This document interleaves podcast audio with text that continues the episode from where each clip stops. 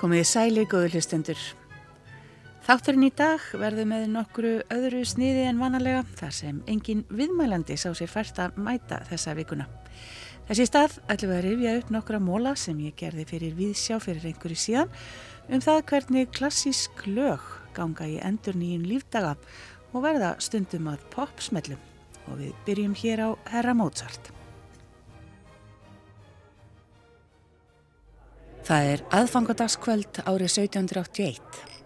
Jósef Annar Östuríkiskeisari hefur bóðið í parti meðal annars vinni sínum erki hertuganum Páli af Rúslandi og eiginkonu hans og öðru mikilvægu fyrir fólki. Það er eftirvænting í loftinu. Tveir tónlistamenn er á staðnum og þá er farið að gruna að þeir verði í kastljósinu þetta kvöld þó svo að þeir hafa ekki formlega verið beðnir um að koma fram. Þetta eru Wolfgang Amadeus Mozart, 25 ára píjónuleikari, fyrirleikar og tónskáld. Þá fyrir lungu orðin þektur fyrir snilli sína, búin að ferðast um alla Evrópu frá því að hann var barn og leika fyrir konga, drottninga, já og almenning. Hinn er ítalski píjónuleikarin, tónskáldið, kennarin og hljómsættastjórin Muzio Clementi, fjórum árum eldri en Mozart og þá þegar lungu orðin þektur í Evrópu ekki síst á Englandi þar sem hann hefur dvalið um hríð og gert að heimili sínu. Báðir eru þeir eleganti í tauginu og Mozart skartar meira að segja sverði í fallegu slíðri að þessu tilefni.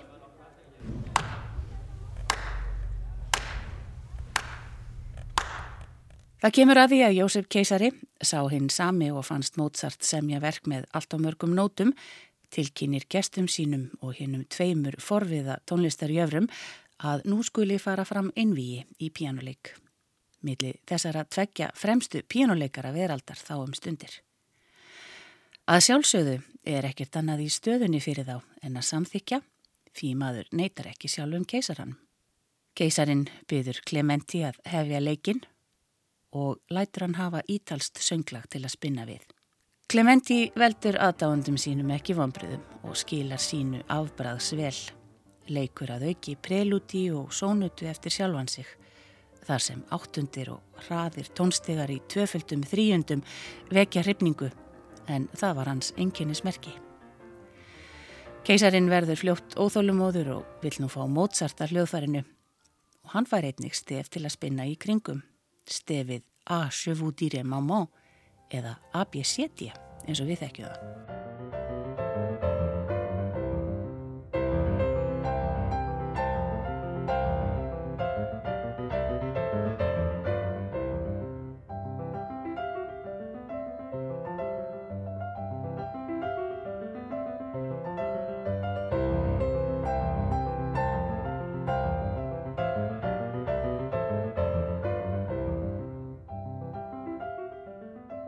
Svona gengur þetta um hríð.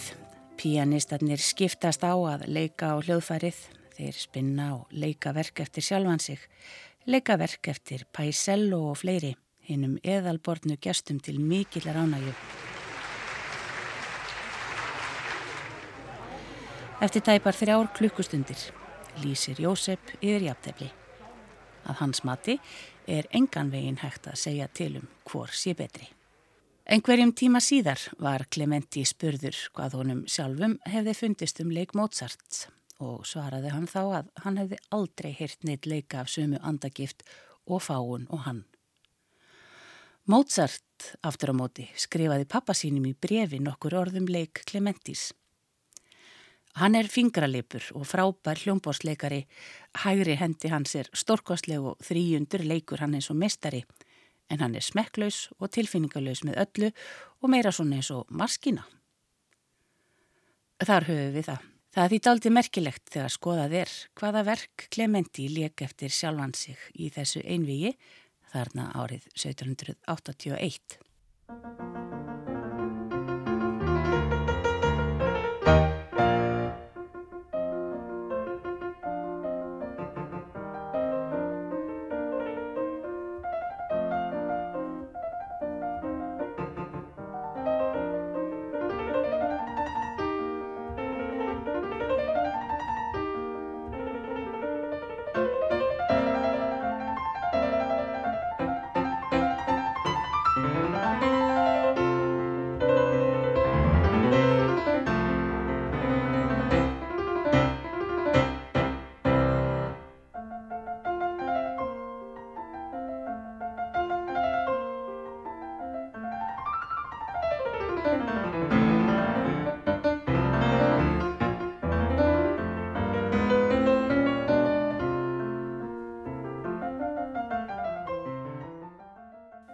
og hvaða verk samti Mozart svo tíu árum síðar.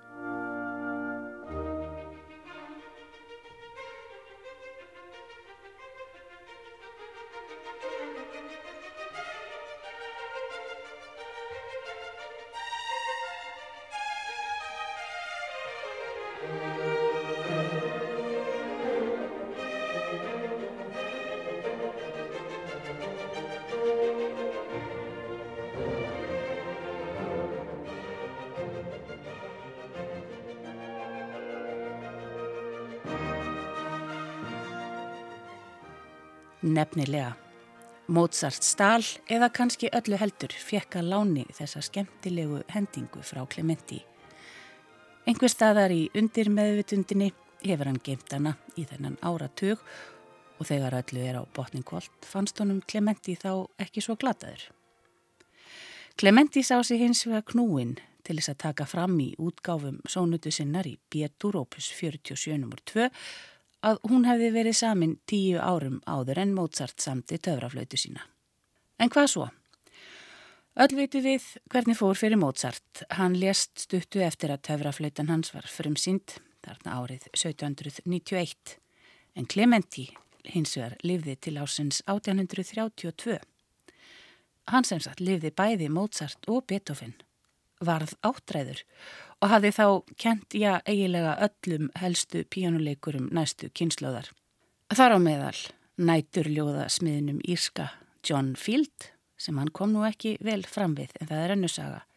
Jóhann Baptist Kreimer, Ignaz Moscheles, Giacomo Meyerbeer, Friedrich Kalkbrenner, Jóhann Nepomuk Hummel og sjálfum Karl Sjerni sem síðar varð kennari Frans Liszt. Clementi aði líka sett eigin piano í framleiðslu sem náðu miklum vinsældum í Evrópu. Og því má segja að Clementi hafi verið einn af risunum í þróun pianósins og pianotónlistarinnar. Þó engin eða kannski ekki engin en fáir muni eftir honum í dag. Og þegar ég segi fáir, þá eru það alveg öruglega þeir sem hafa einhver tíman stundað pianonám lengur en tvö ár og foreldrar þeirra og nágrannar þó að nágrannarnir kannski átti sér nú ekki á nafni Clementis en tónlistina þekkja þeir öruglega. Því það eru fáir sem komast í gegnum píanonám á þess nokkur tíman að snerta á svo sem eins og einni sonatínu eftir Clementi og Clementi hefur haft áhrif víða. Hinn bandaríski lagahöfundur Tony Wine sem er fættur árið 1946 er einn af þeim sem hafa orðið fyrir Clementi áhrifunum Hann stundaði pianonámi í Juilliard í New York og þar hitti hann Karol Beyer Sager tekstasmið árið 1966. Í saminningu sömduðu lag fyrir hljómsveitina The Mindbenders sem komst á bandaríska vinsaldalistan það sama ár. Eins og með Mozart, 185 árum áður, var einhver hending sem hafði sest að í höfði Wine og sem hann notaði í þetta fína lag og hér kemur hún.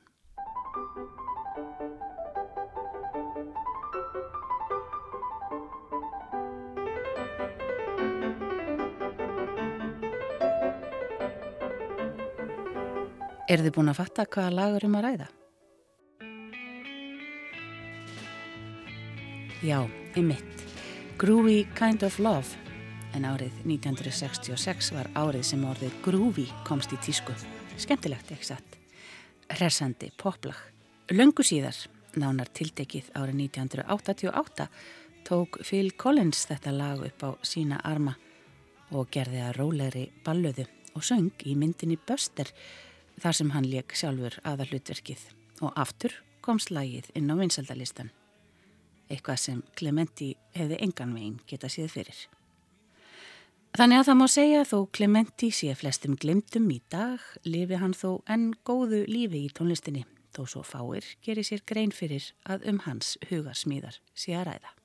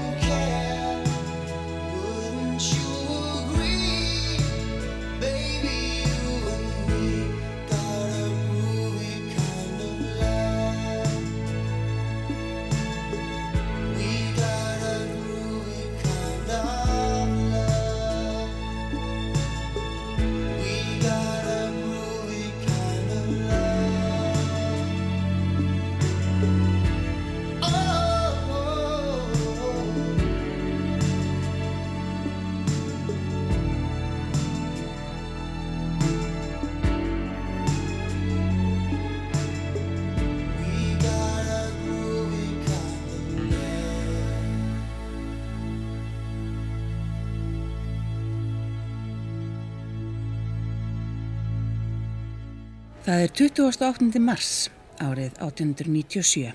Við erum stött í Pétursborg á tónleikum í rúsnesku sinfoníuröðinni. Röð sem sett var á lakirnar nokkuru fyrr þar sem sinfonísk verk ungra rúsneskra tónskálda fá að njóta sín. Þið 24 ára gamla tónskáld og píjónuvirtu og Sergei Rachmaninov sittur við hlið vinkonu sinnar Natalíu Satínu í salnum og hann er döðstressaður. Ástæðan fyrir því er að eitt af verkonum á efniskráni er fyrsta sinfoni hans sem hann hafði lokið við einu og halvu ári áður. Æfingaferðlið undan farna daga hefur hins vegar gengið herfilega. Hinn 32 ára gamli Alexander Glasunov hefur engan vegin verið að standa sig. Rachmaninov hefur ítrekka reynda ræða viðan um verkið og flutningin án árangurs. Glasunov hefur auk þess gert sjálfur breytingar á verkinu sem þjóna litlum músikölskum tilgangi og það er málmanna að Glasunov, þó honum þykji afskaplega skemmtilegt að stjórna, sé ekkert sérlega góður í því. Í ofanalag er hann gefin fyrir sopan og alltaf í því og svo verðist einni vera þetta kvöld.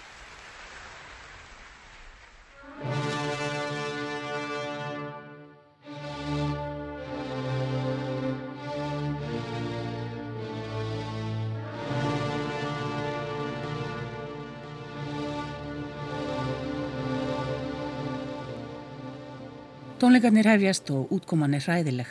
Glasunoff stendur eins og dauðibli á stjórnundapallinum og veifar sprótanum eins og uppvakningur. Rachmaninoff lætur sig hverfa úr salnum áður en verki hans er lokið, gjörsamlega miður sín.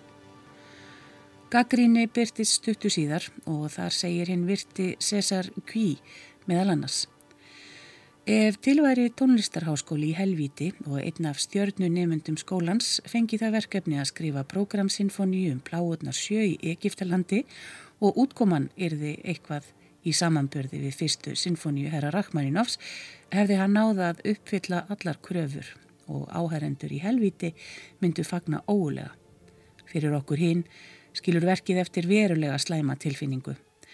Óreglulegur ritmi óskýrleiki í formi, tilgangsleisar endurtekningar á sömu tryggsonum, nefnmæltur, hljómur, hljómsveitarinnar og ónáttúrulegur hljómagangur og algjör skortur á almennilegum stefjum.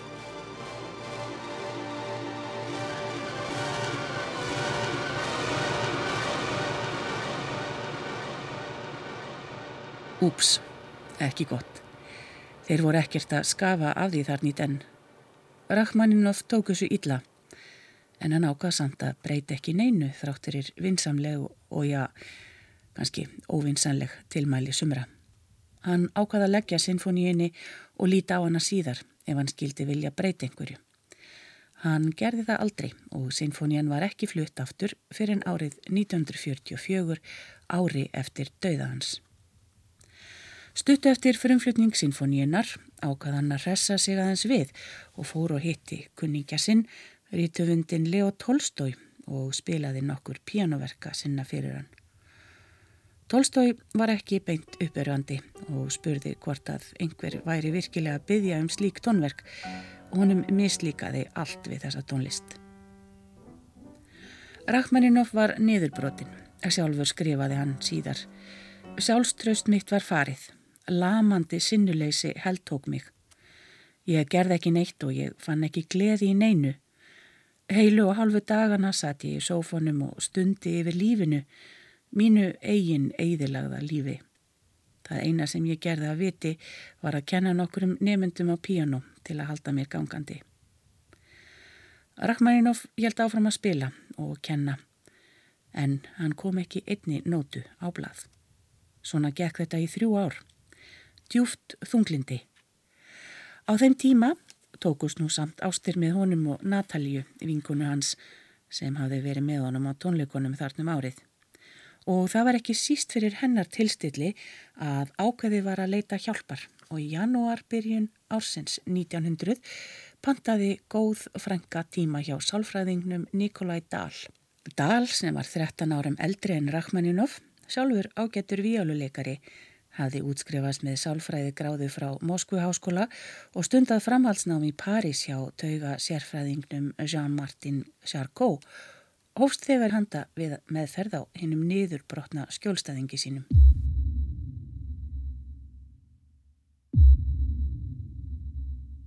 Take a deep breath in. Now slowly out. A deep breath in. Now slowly out.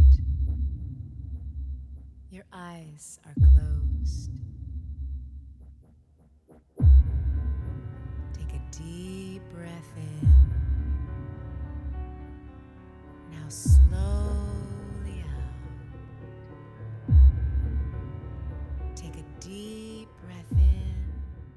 Meðferðin fólst í dáleðslu og viðtalsmeðferð auk þess sem Dahl mælti með daglegum gungutúrum. Rachmaninoff og Dahl hittust nær daglega í þrjá mánuði og meðferðin skilaði fljótt árangri. Rachmaninoff tók gunguferðarnar alvarlega og fór jafnvel í nokkra gungutúra á dag og helt þeirri hefð alla æfi. Ho, ho, Mother Russia River, Mother Russia sky, Mother Russia cafe table, Mother Russia pumpkin pie. Ho, ho, pastries in my pocket, barley beer in a bag, smoking my cigarillos, riding on a silver stag. I'm running down the street with my shirt untucked, running down the street in just one shoe. Running down the street, there's an ice cream truck. I think I'll have that too. Ho, ho! Það fór loks að rofa til í skegðum huga tónskálsins. Nóturnar fór að byrtast á blöðunum hver á eftir annari og þann 9. november árið 1901, rúmum fjórum árum eftir hérna örlagaríku tónleika í Pétursborg, satt Rachmaninoff við pianoið í stóra sal Moskú konservatóriunar og frumflutti pianokonsert sinn nr. 2 í Sémól undir stjórn frendasins Alexander Silotis. Konsert sem síðan þá hefur verið einna vinsalustu pianokonsertum Dómbókmyndana.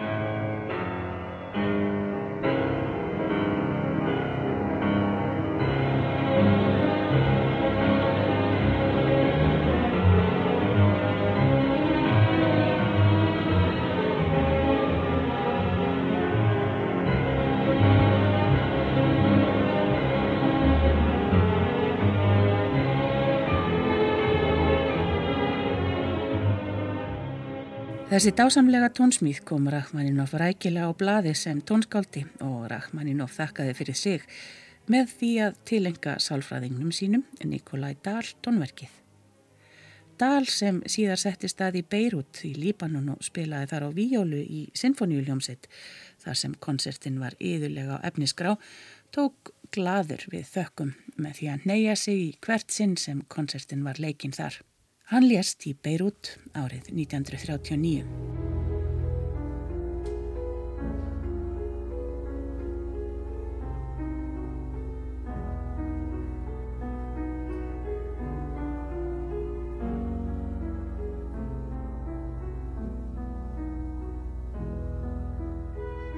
Um samband þeirra Dals og Rachmaninoffs hefur verið mikið skrifað og einnig hefur verið saman um það söngleikur söngleikurinn Preludes eftir Dave Malloy sem frumfluttur var í Lincoln Center árið 2015 og sem við höfum heyrt örlítu brot úr hér í þessum písli.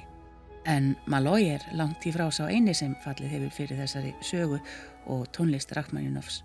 Söngskaldið og söngvarinn Erik Carmen sem fættur er árið 1949 hefur sagt að Rachmaninoff sé uppáhalds tónskaldið hans og í lægi sem hann samti árið 1975 og sem náði miklum vinseldum fekk hann lánað stefið úr öðrum þætti pianokonserts nr. 2. Hann held að verkið væri komið úr höfundarétti og hafði því ekki fyrir að sækja um leifi en fjölskyldarakmæninov stóð fast á sínum rétti og svo fór að Carmen gerði samkómulag um það að erfingjar Rachmaninovs fengju 12% af stefgjöldum lagsins. Það lítur því að hafa verið gleðiðefni fyrir erfingjana þegar súpastjarnan Celine Dion dustaði reiki af læginu ára 1996 og gerði að sínu eins og sagt er. Lægið, jú, þeir eru eflaust búin að fatta hvað það er, kæru lustendur. Teksti viðlagsins, aðleitn, vil ekki vera aðleitn lengur. rýmar ágætlega við upprisu Rachmaninovs úr sortanum þarna 75 árum áður. I never needed anyone And making love was just fun Those days are gone living alone. I think of all the friends I've known. But when I dead.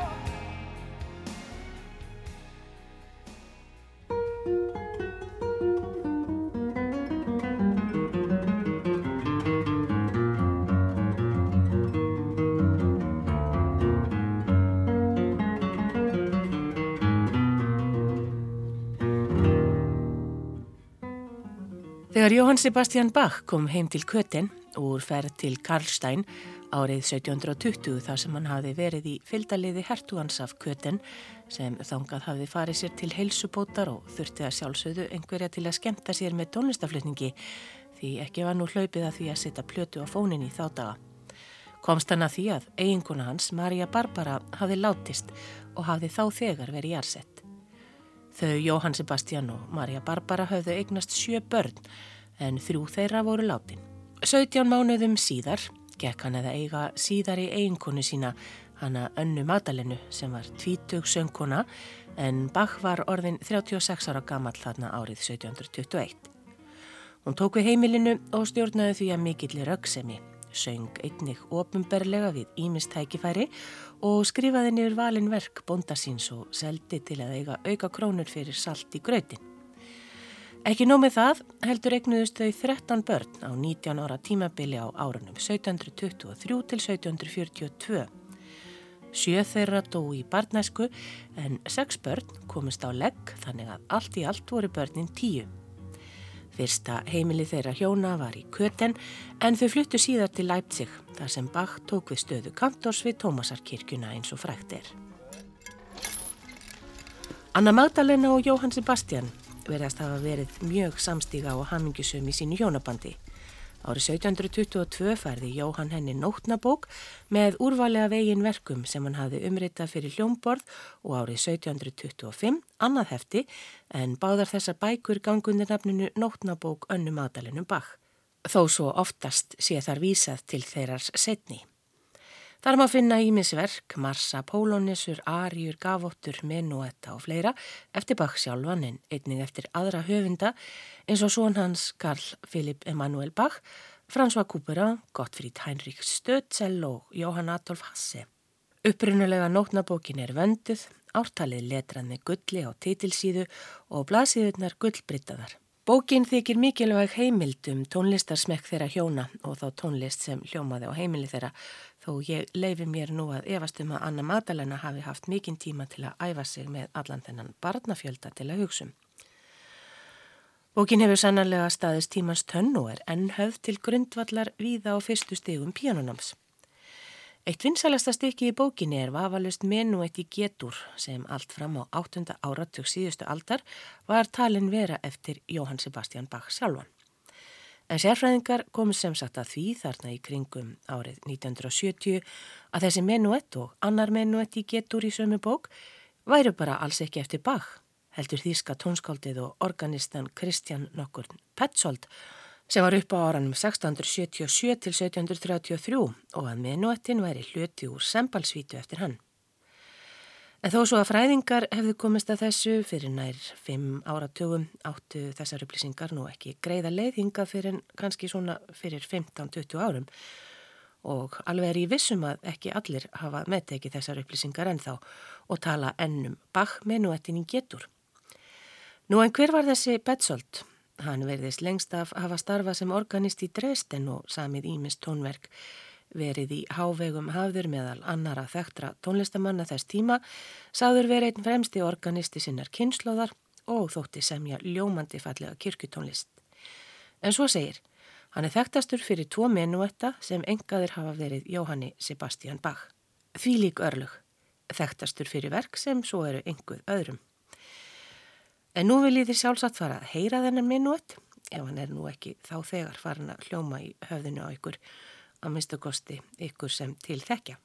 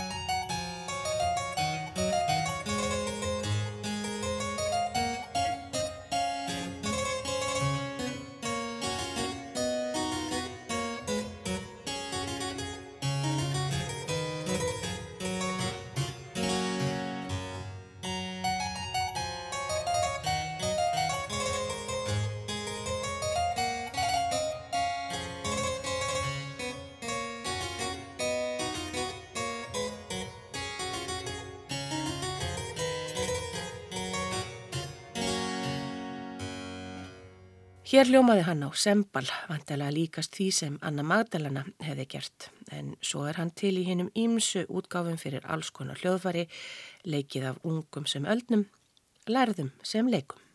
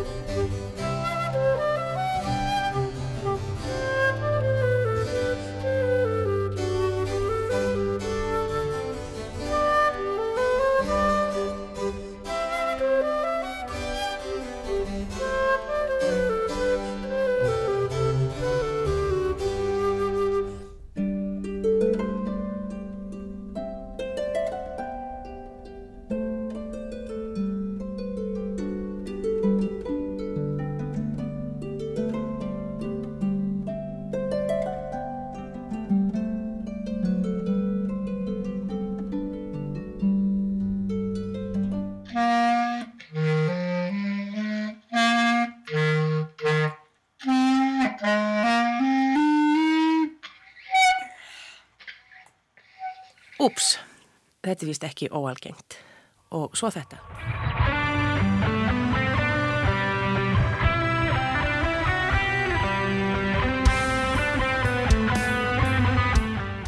Nei, nú er þetta komið út í byll. Væntanlega eru líka einhverju sem mun eftir myndinni Electric Dreams frá árunni 1984 sem fjallaðum ástarþrýjörning seljuleikarans Madeleine Robistad, tölvunördsins Miles og tölvunar hans Edgars. Þar var minuetti notaður sem undistæða dúetsmilli hinnar Fáru Madeleine og Edgars, tölvunar sem sé.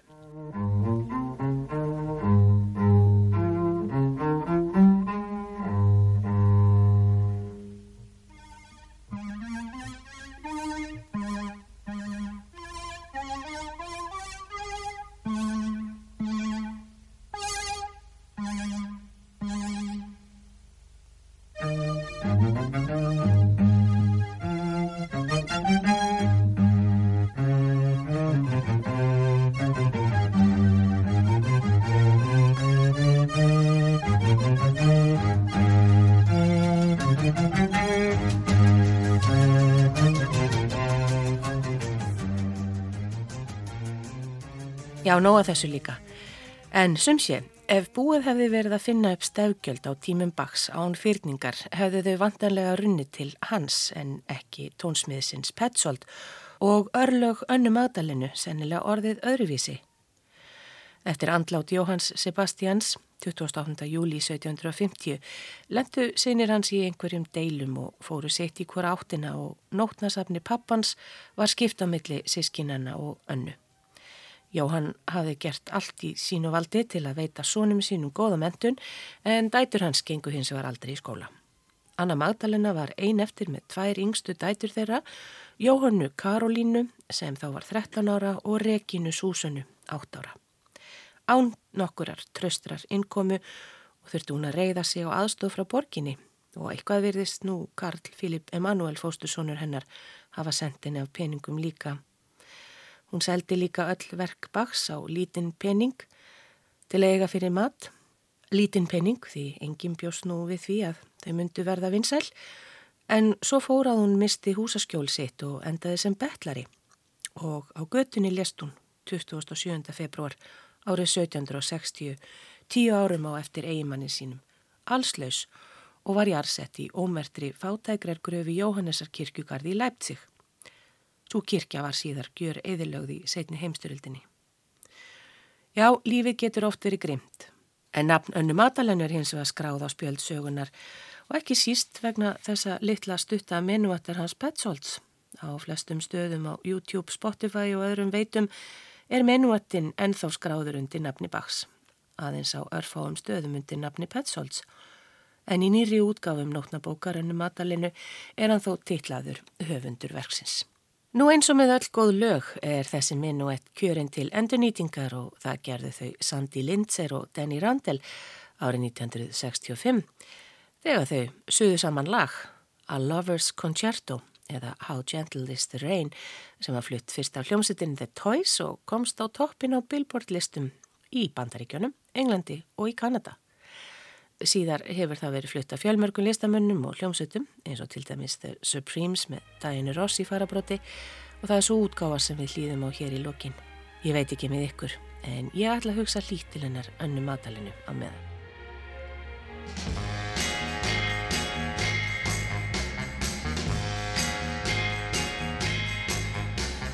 How gentle is the rain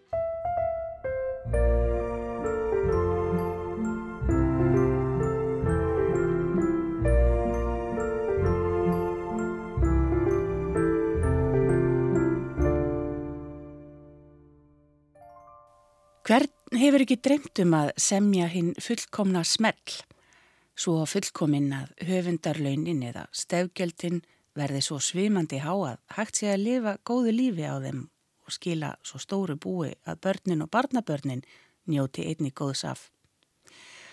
Já, svona eins og karakterinn sem Hugh Grant leki í myndinni About a Boy hér um árið sem lifði í vellistingum af stefgjöldum af jólalagi sem pappi hans hafði samið. Hann þóldi að vísi ekki lagið en hvað, við myndum nú ekki setja það fyrir okkur og svo sannlega ekki sólunda lífi okkar eins og yðjuleysingin sá. En slíkismellir hafa nú verið samtir nokkrir. Sennilega var sá fyrsti samin í kringum aldamótin 1700 af Jóhanni nokkrum Pachelbel, þýskum organista, tónsmið og kennara sem uppi var á áranum 1653 til 1706.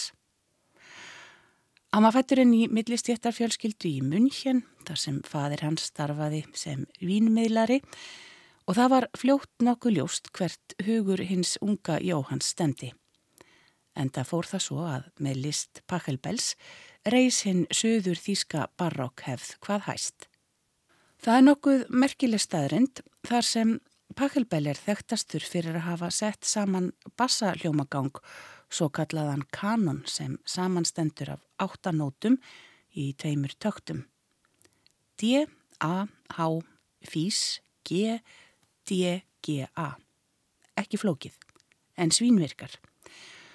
Nú svo bætast nú einhverjar nokkra nótur við í hinum röttunum listilega samansettar, en bassalínan er svo sama út allt verkið. Skulum heyra hér byrjunina og ég lof ykkur því að þið þekkið hann um leið.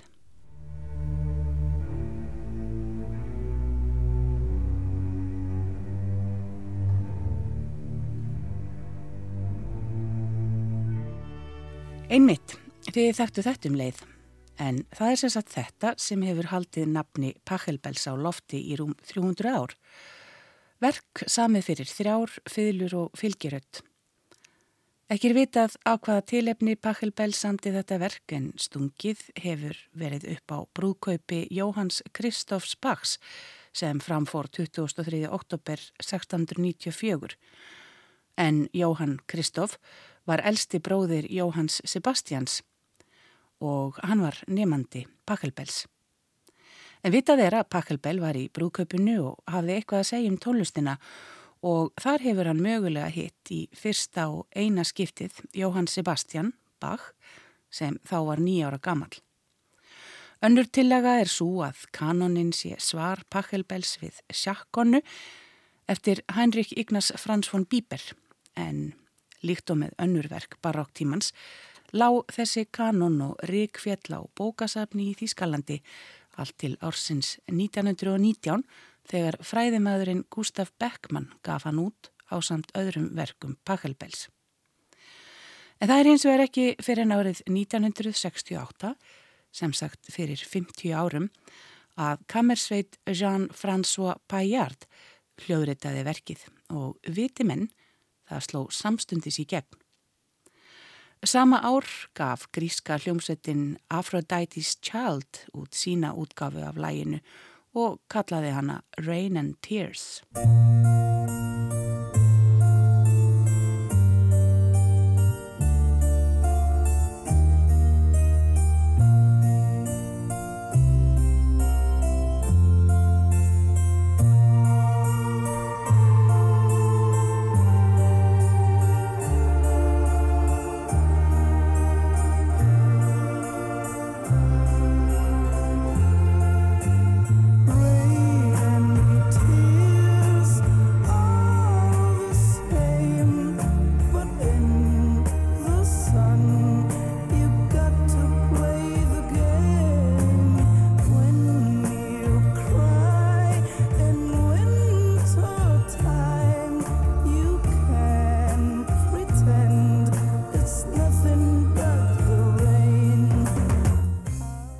barnið hennar Afrodítu þarna með Demis Roussos í farabróti.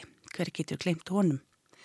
Og tveimur árum síðar gerði spænska hljómsveitin Pop Tops sína útgáfu undir nafnu Oh Lord, Why Lord?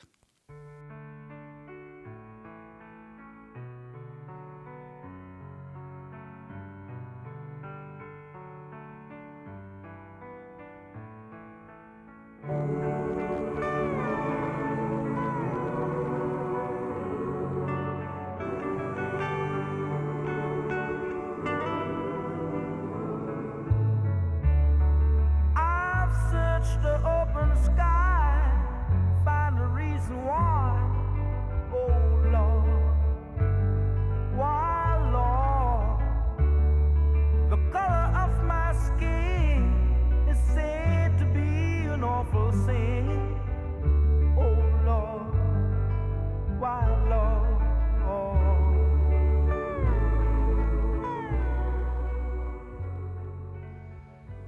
Og þær eru óteljandi útgáfurnar sem komið hafa fram á þessum 50 árum.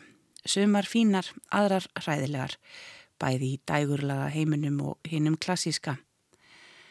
Við höfum heyrt þennan kanon í bíamyndum, í jarðaförum, í brúðköpum, í liftum, í flugveilum. Eiginlega er hann allt um líkjandi. Breski útgáfustjórin Pete Waterman meira að segja gekk svo langt að útnefna Pachelbel Guðföður Popsins árið 2002 þar sem flest allir útgáfustjórar hefðu nýtt sér hann á einhvern hátt í 30 ár.